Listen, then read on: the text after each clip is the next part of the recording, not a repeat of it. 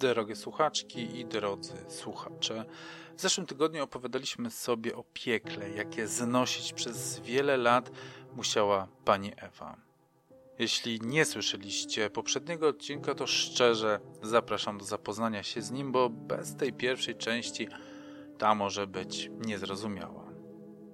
Bo dzisiaj opowiemy sobie o walce z bezduszną biurokracją, bataliach z policją i prokuraturą, które pani Ewa musiała przejść, żeby przyznano jej godność. Walka o to, by potraktowali ją jak człowieka, trwała blisko 6 lat, a żeby sprawiedliwości stało się zadość, ponad 10. 6 lat, aby wreszcie znalazła się pani prokurator, która uwierzy w historię Ewy i która zebrała odpowiedni materiał procesowy, żeby móc osądzić Mariusza oraz tych, którzy zabawiali się wraz z nim. Nie bez znaczenia były w tym wszystkim pamiętniki Alicji i Wiktorii, córek Ewy, których fragmenty cytowaliśmy w poprzednim odcinku. Dzięki nim udało się też zidentyfikować pozostałych gwałcicieli i ich także osądzić, ale zacznijmy od początku. Nowy rok 2011. Ewa spędziła ze swoimi córeczkami w mieszkaniu rodziców, otoczona rodzeństwem, za którym tak bardzo tęskniła. Przez trzy miesiące nie wychodziła z domu. Bała się ludzi, bała się mężczyzn. Na każdym kroku widziała Mariusza. Jeść też nie mogła.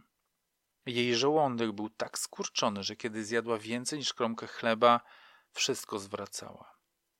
W nocy nie mogła spać. Łóżko było za miękkie, pokój za gorący.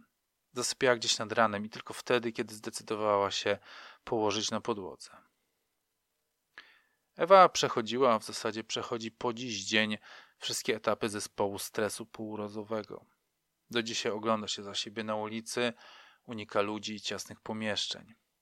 Zrobienie prawa jazdy, na którym jej bardzo zależało, było wyczynem heroicznym. Zamknięta w niewielkim aucie z obcym facetem.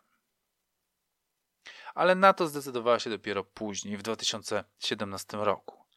W 2011 przez trzy miesiące nie wychodziła w ogóle z domu. Za wyjątkiem wizyt w komisariacie, gdzie zeznawała przeciwko mężowi. Swoją drogą go wypuścili już kilka godzin po zatrzymaniu, tego 28 grudnia, kiedy dobijał się do drzwi teściowej. Przesłuchali go, spisali, pozwolili odejść. Przesłuchiwano także Alicję, która wówczas miała 4 lata, starszą córkę pani Ewy. Jej opowieść zmroziła krew przesłuchującego. Alicja mówiła: Mamę bił i zamykał w piwnicy, a nam spalił wszystkie zabawki. Mówił, że ich nie potrzebujemy, że będziemy bawić się inaczej. I zabierał nas do łóżka. Wiktoria czasem wiązał, bo na dużo płakała, a jak byłyśmy niegrzeczne, bił laczkiem po buzi i pupie. Biegły psycholog uznał, że opowieść Alicji jest samodzielna i wynika z własnych przeżyć i nie ma wątpliwości, że dziewczynka była ofiarą różnych form przemocy. Obie zresztą boją się ojca.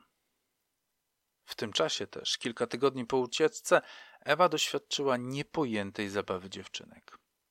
Przypomnę, Alicja miała wówczas cztery latka, a Wiktoria trzy. Ewa weszła do pokoju i zobaczyła, że Alicja leży nago na Wiktorii. Dwa dni później Alicja ściągnęła Wiktorii rajstopki, a gdy Ewa zapytała, co robią, odpowiedziały, że bawią się tak jak z tatą. Ta historia wydarzyła się naprawdę.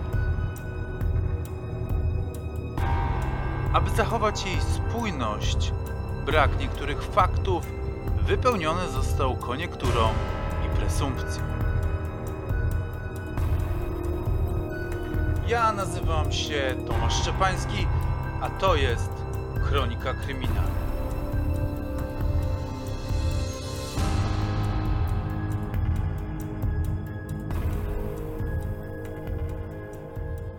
Śledztwo na początku 2011 roku trafiło do prokuratury rejonowej w Pucku.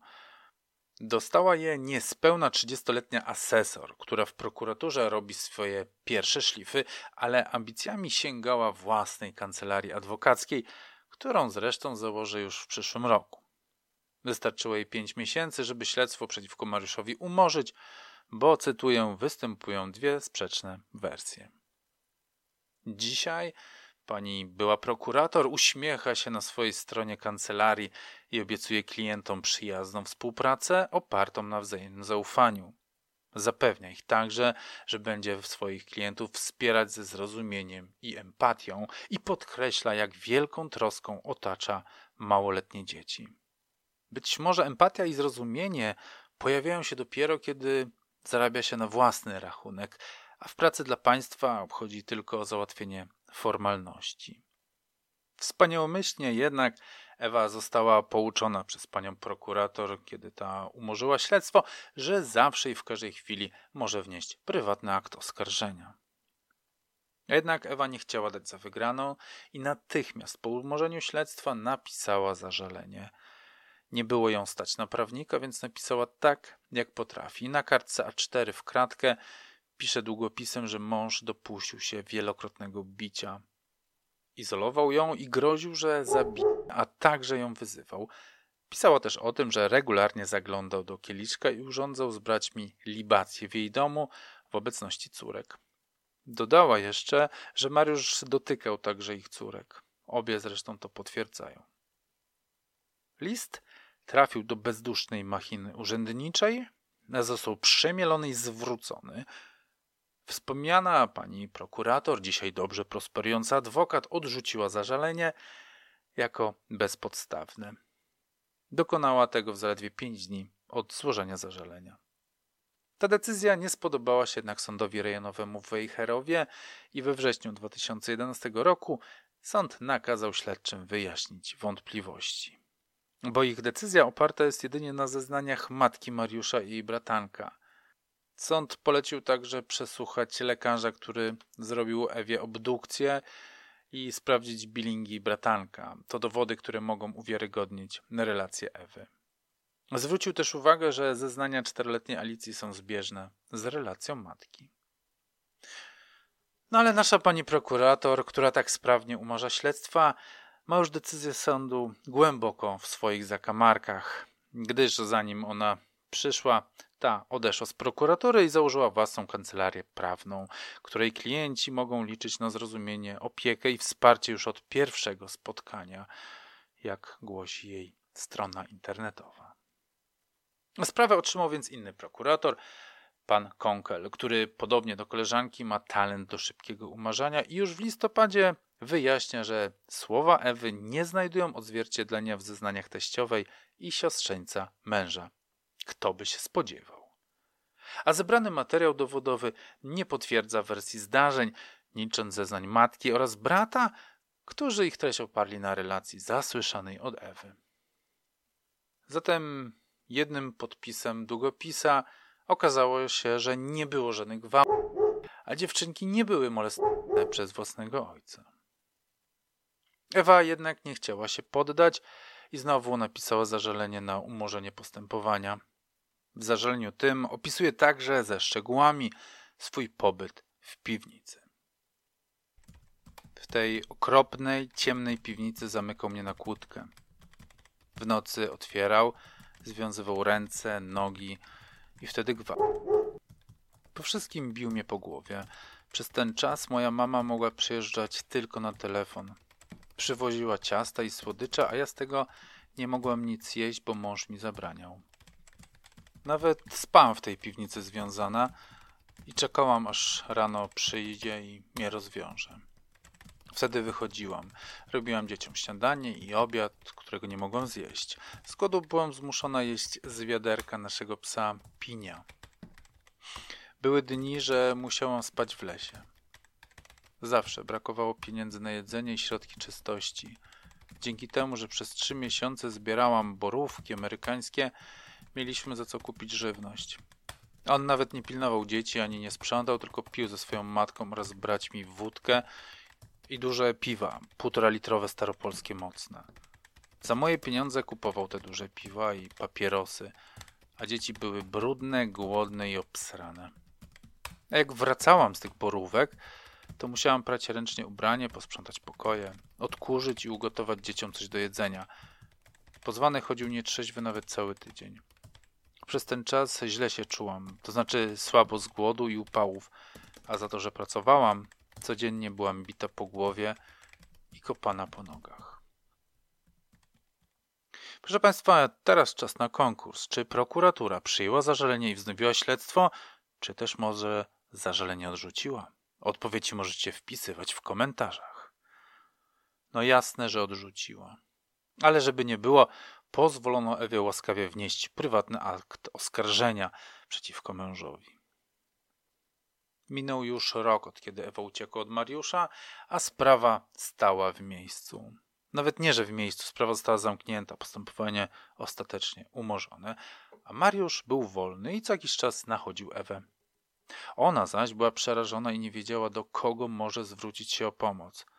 Przeprowadziła się raz i drugi, licząc na to, że Mariusz jej nie wywęszy, ale zawsze za każdym razem udawało mu się ją znaleźć. Zresztą mieszkali w małej miejscowości, ciężko byłoby jej nie odnaleźć. W jednym z bloków, do których Ewa ostatecznie trafiła, mieszkał niejaki Krzysiek. Był to miły i uczynny facet. Zachodził czasem do Ewy i pytał, czy coś może kupić, coś przywieźć. Kiedy nachodził ją Mariusz, Krzysiek go przeganiał. Ale jakby nie patrzeć, było to rozwiązanie połowiczne. Ewa postanowiła wziąć z Mariuszem rozwód, naturalnie z jego winy. Posłuchajmy zeznań w tej sprawie. 31 stycznia 2012 rok Gdańsk. Pił, bił, wszczynał awantury, mówiła matka Ewy o Mariuszu. Przy mnie nigdy jej nie uderzył, ale zwróciłam uwagę, że jest coraz chudsza. Kiedy zobaczyłam siniaka pod okiem, powiedziała, że uderzyła się o szafę. Zabrał jej telefon, o swoich wizytach musiałam uprzedzać. Raz, latem 2010 roku, pojechałam bez uprzedzenia. Zięć powiedział, że poszła na zakupy. Gdy stałam na podwórku, wybiegła z piwnicy. Była brudna, wyglądała tak, jakby tam spała. Ale nic nie powiedziała. Dopiero 28 grudnia zadzwoniła i poprosiła, żebym ją zabrała. Była tak słaba, że obijała się o meble. Wtedy powiedziała, że zamknął ją w piwnicy, wiązał ręce, nogi i gwałcił. I że bracia pozwanego też ją gwałcili. Brat Ewy w swoich zeznaniach opowiadał, w jaki sposób odbili ją z rąk Mariusza. Pojechałem z mamą. Szwagier był podpity. Miał pretensje, że zadzwoniła po matkę. Zabraliśmy ją i dzieci. Wziął taksówkę, pojechał za nami. Walił w drzwi, wyzywał. Zadzwoniliśmy po policję. Później kilka razy przyjeżdżał i kręcił się wokół domu. Siostra zaczęła mówić, że ją bił, głodził i zmuszał w piwnicy do stosunków i że brat pozwanego też ją gwałcił. Szwagier miał też coś robić dzieciom. Sąd ostatecznie orzekł rozwód i odebrał Mariuszowi prawa rodzicielskie. Sukces, można by powiedzieć, gdyby nie jeden szczegół wypowiedzi brata Ewy. Czy nie wspomniał on, że brat pozwanego też gwałcił Ewę? Ja rozumiem, że to nie temat rozprawy, ale czy sąd nie powinien się przynajmniej tym zainteresować. Może zapytać, który brat, a może przekazać tę rewelację prokuraturze, bo niestety, co jest wiadomym, z tymi informacjami nic nie zrobiono. Przynajmniej wtedy, pod koniec stycznia 2012 roku. Ale rok później, w lutym 2013, znowu pojawia się światełko w tunelu, jakiś trzeźwy prokurator stwierdził, że w śledztwie było tak wiele nieprawidłowości, że powinno się je wznowić, co też ma miejsce. Zostają przesłuchani nowi świadkowie. Badane są nowe poszlaki i 23 marca 2013 roku prokuratura rejonowa w Pucku w postaci wspomnianego już prokuratura Konkla definitywnie zakończyła śledztwo. Pan Konkiel argumentował to tak. Brak jakichkolwiek obiektywnych dowodów wskazujących na uzasadnione podejrzenie popełnienia występku, o którym pokrzywdzona zeznaje. Fakt, że do zdarzenia miało dojść w trakcie kłótni małżeńskiej w prywatnym domu, nie zaś w miejscu publicznym, a także rodzaj i rozmiar ujemnych następstw tego zdarzenia należy stwierdzić, że brak jest przesłanek, które wskazywałyby na to, że interes społeczny przemawia za kontynuowaniem ścigania z urzędu. Zebrane dowody nie wskazują, żeby Ewa była osobą nieporadną ze względu na wiek, chorobę czy kalectwo i nie mogła skierować do sądu prywatnego aktu oskarżenia. No cóż, zatrzymajmy się nad samym prokuratorem Konklem. W połowie czerwca 2013 roku, czyli niecałe trzy miesiące po umorzeniu sprawy pani Ewy, Krajowa Rada Prokuratorów decyduje o zwolnieniu Konkla ze stanowiska prokuratora. Jego dymisja była wynikiem nieprawidłowości, jakich dopuścił się podczas postępowania w sprawie śmierci dzieci w rodzinie zastępczej, które sam nadzorował. Mimo, że oględziny trzylatka, który przedwcześnie odszedł, wykazywały, że otrzymał najpewniej silny cios kończyną przednią, a być może tylną, uznano, że był to po prostu nieszczęśliwy wypadek. Dwa lata później matka zastępcza tegoż nieszczęsnego dziecka dostała 25 lat pozbawienia wolności za ten cudzysłów nieszczęśliwy wypadek i przy okazji za podobny nieszczęśliwy wypadek na osobie pięcioletniej Klaudii. Ja rozumiem, że to dwie różne sprawy, ale skoro ktoś został zwolniony za nieprawidłowości, no i to nieprawidłowości o ogromnym kalibrze, bo mówimy o śmierci dzieciaka na skutek brutalnego pobicia, to czy nie powinno się choćby zweryfikować, czy do podobnych nieprawidłowości nie dopuścił się w innych prowadzonych przez niego sprawach? Tak tylko gdybam. Temat znowu ucichł na kolejne lata. Seria porażek Ewy ciągnęła się już siódmy rok. Po pokażaniu przez męża, po zamknięciu na dwa lata w piwnicy, po gwałtach, jakich mąż dopuścił się na jej dzieciach, ojciec na swoich córkach, odbijała się wciąż od drzwi prokuratury. Jak histeryczka, która nie potrafi radzić sobie z życiem. Obojętność, jaką potraktowało Ewę państwo polskie, jest niewyobrażalne. Wreszcie jednak po kolejnych dwóch czy trzech latach, kiedy dziewczynki Alicja i Wiktoria spisały swoje doświadczenia w pamiętnikach, ich babcia wzięła te zapiski i zaniosła do szkoły, aby tam szukać pomocy. Relacje były tak przerażające, ale równocześnie rzeczywiste, że nie było wątpliwości, że dziewczynki ich sobie nie wymyśliły. Jakaś rozsądna osoba wyżej wspomnianej szkole wzięła te pamiętniki, wsiadła w autobus, pociąg, a może i do własnego samochodu i pojechała do prokuratury rejonowej w Pucku, gdzie wręczyła te dokumenty kompetentnej prokurator Annie Szczepaniuk-Milewskiej. Od tego momentu, pisze Katarzyna Włodkowska w swoim reportażu Dom Zły, już nikt więcej nie podważał zeznań Ewy oraz jej córek. W trakcie śledztwa okaże się jeszcze, że Mariusz bił także i gwałcił konkubinę, z którą związał się po odejściu żony oraz znęcał się nad jej ośmioletnim synem. Prawdopodobnie molestował także jego. Nie chcę komentować działań prokuratury sprzed pięciu lat, powiedziała Anna Szczepaniuk-Milewska.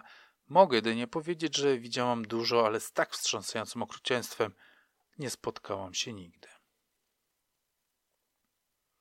W niedzielę 21 lutego 2016 roku, kilka tygodni po tym, jak pamiętniki trafiły na stół prokuratury, o godzinie 6 rano Mariusz został wyciągnięty przez policję z łóżka i wywleczony do radiowozu. Najpierw trafił do aresztu na 25 dni, potem areszt przedłużono i 2 listopada 2016 roku oskarżono go o znęcanie się nad rodziną, pozbawienie wolności, wielokrotne gwałty ze szczególnym okrucieństwem, umożliwianie nieustalonym osobom, molowanie nieletnich i zagłodzenie psa. I co znamienne w tej historii i niezwykle rzadko widywane w innych sprawach, prokuratura chciała dla Mariusza 15 lat pozbawienia wolności. 21 czerwca 2017 roku sąd wydał jednak inny wyrok. 25 lat pozbawienia wolności. Sąd uznał, że oskarżony, będąc w pełni poczytalny, zasługuje na karę, która na 25 lat wyeliminuje go ze społeczeństwa, uzasadniła sędzina Marta Urbańska. Podkreśliła przy tym, że oskarżony działał ze szczególnym okrucieństwem. Oskarżony był świadomy swoich czynów, wiedział czym jest miłość, rodzina, szacunek, godność. To wartości pożądane dla każdego z członków społeczeństwa.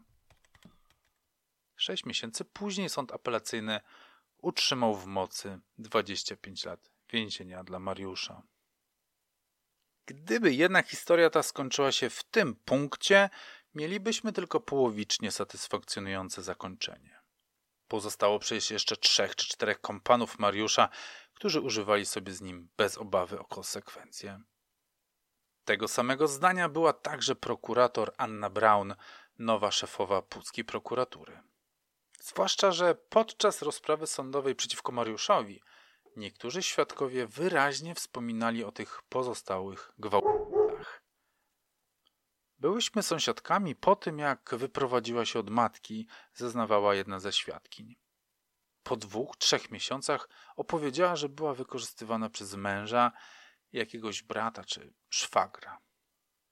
Na tej rozprawie Ewa zresztą sama to potwierdziła. Po głosach rozpoznawałam, że byli to jego bracia, mówiła. Ale nie tylko po głosach. Pamiętała zapachy i potrafiła przyporządkować je do każdego z braci. Prokurator Anna Braun skorzystała z pomocy profilera, który przeanalizował materiał dowodowy. On też potwierdza, że jeśli Mariusz miałby kogoś wpuścić do piwnicy, to tylko zaufane osoby. Dowody były na tyle silne, że w poniedziałek, 19 marca 2018 roku, bracia Mariusza zostali zatrzymani przez policję i dowiezieni na prokuraturę. Anna Braun postawiła im zarzut wielokrotnego zgwałcenia zbiorowego. 17 grudnia 2018 roku na stronach prokuratury krajowej pojawił się wpis, że prokuratura rejonowa w Gdyni skierowała do Sądu Okręgowego w Gdańsku akt oskarżenia przeciwko Andrzejowi Esz, Mirjanowi Esz oraz Tadeuszowi B, zarzucając im wielokrotne zgwałcenie pokrzywdzonej.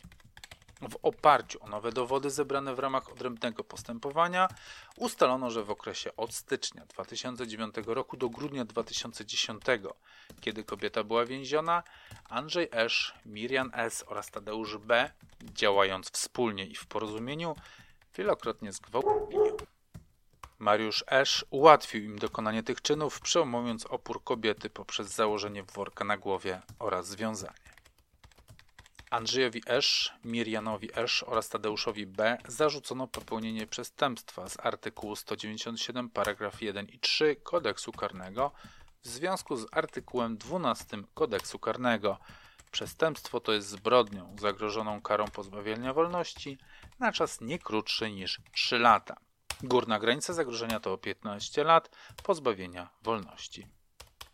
Ustalono również, że Andrzej Esz w styczniu 2007 roku usiłował doprowadzić oraz doprowadził pokrzywdzoną do poddania się innej czynności seksualnej. Zarzucono mu popełnienie przestępstwa z artykułu 13 paragraf 1 kodeksu karnego w związku z artykułem 197 paragraf 2 kodeksu karnego oraz artykułu 197 paragraf 2 kodeksu karnego zagrożone karą do 8 lat pozbawienia wolności. 3 lipca 2020 roku 10 lat po ucieczce Ewy z piwnicy, bracia Mariusza zostali skazani. Andrzej na 12,5 roku więzienia, a Mirian na 12 lat. Zaś w lipcu 2021 roku sąd drugiej instancji potwierdził i uprawomocnił poprzedni wyrok. Tadeusz, trzeci z gwałcicieli, nie doczekał wyroku i zmarł w areszcie. I to, moi drodzy, byłoby wszystko. Ta historia na szczęście dość dobrze się kończy. Pani Ewa poznała na swojej drodze mężczyznę, który otoczył ją miłością i opieką.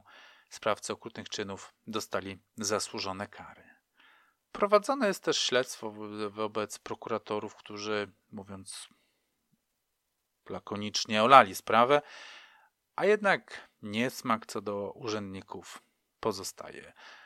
Ten dramat mógłby skończyć się o wiele szybciej, gdyby kilka osób piastujących kluczowe w tej kwestii stanowiska wykazało się choć odrobiną zainteresowania kobietą, która szukała pomocy. Nie bądźmy, mieli Państwo, obojętni. Materiał powstał głównie na podstawie artykułów pani Katarzyny Włodkowskiej w dużym formacie, których link zamieszczam w opisie. W swoim materiale używam imion, które ofiarom nadała pani Katarzyna Włodkowska, choć nie są one prawdziwymi. Pani Ewa i jej córki chciałyby pozostać anonimowe. Dziękuję za wysłuchanie i do następnego razu. Pa!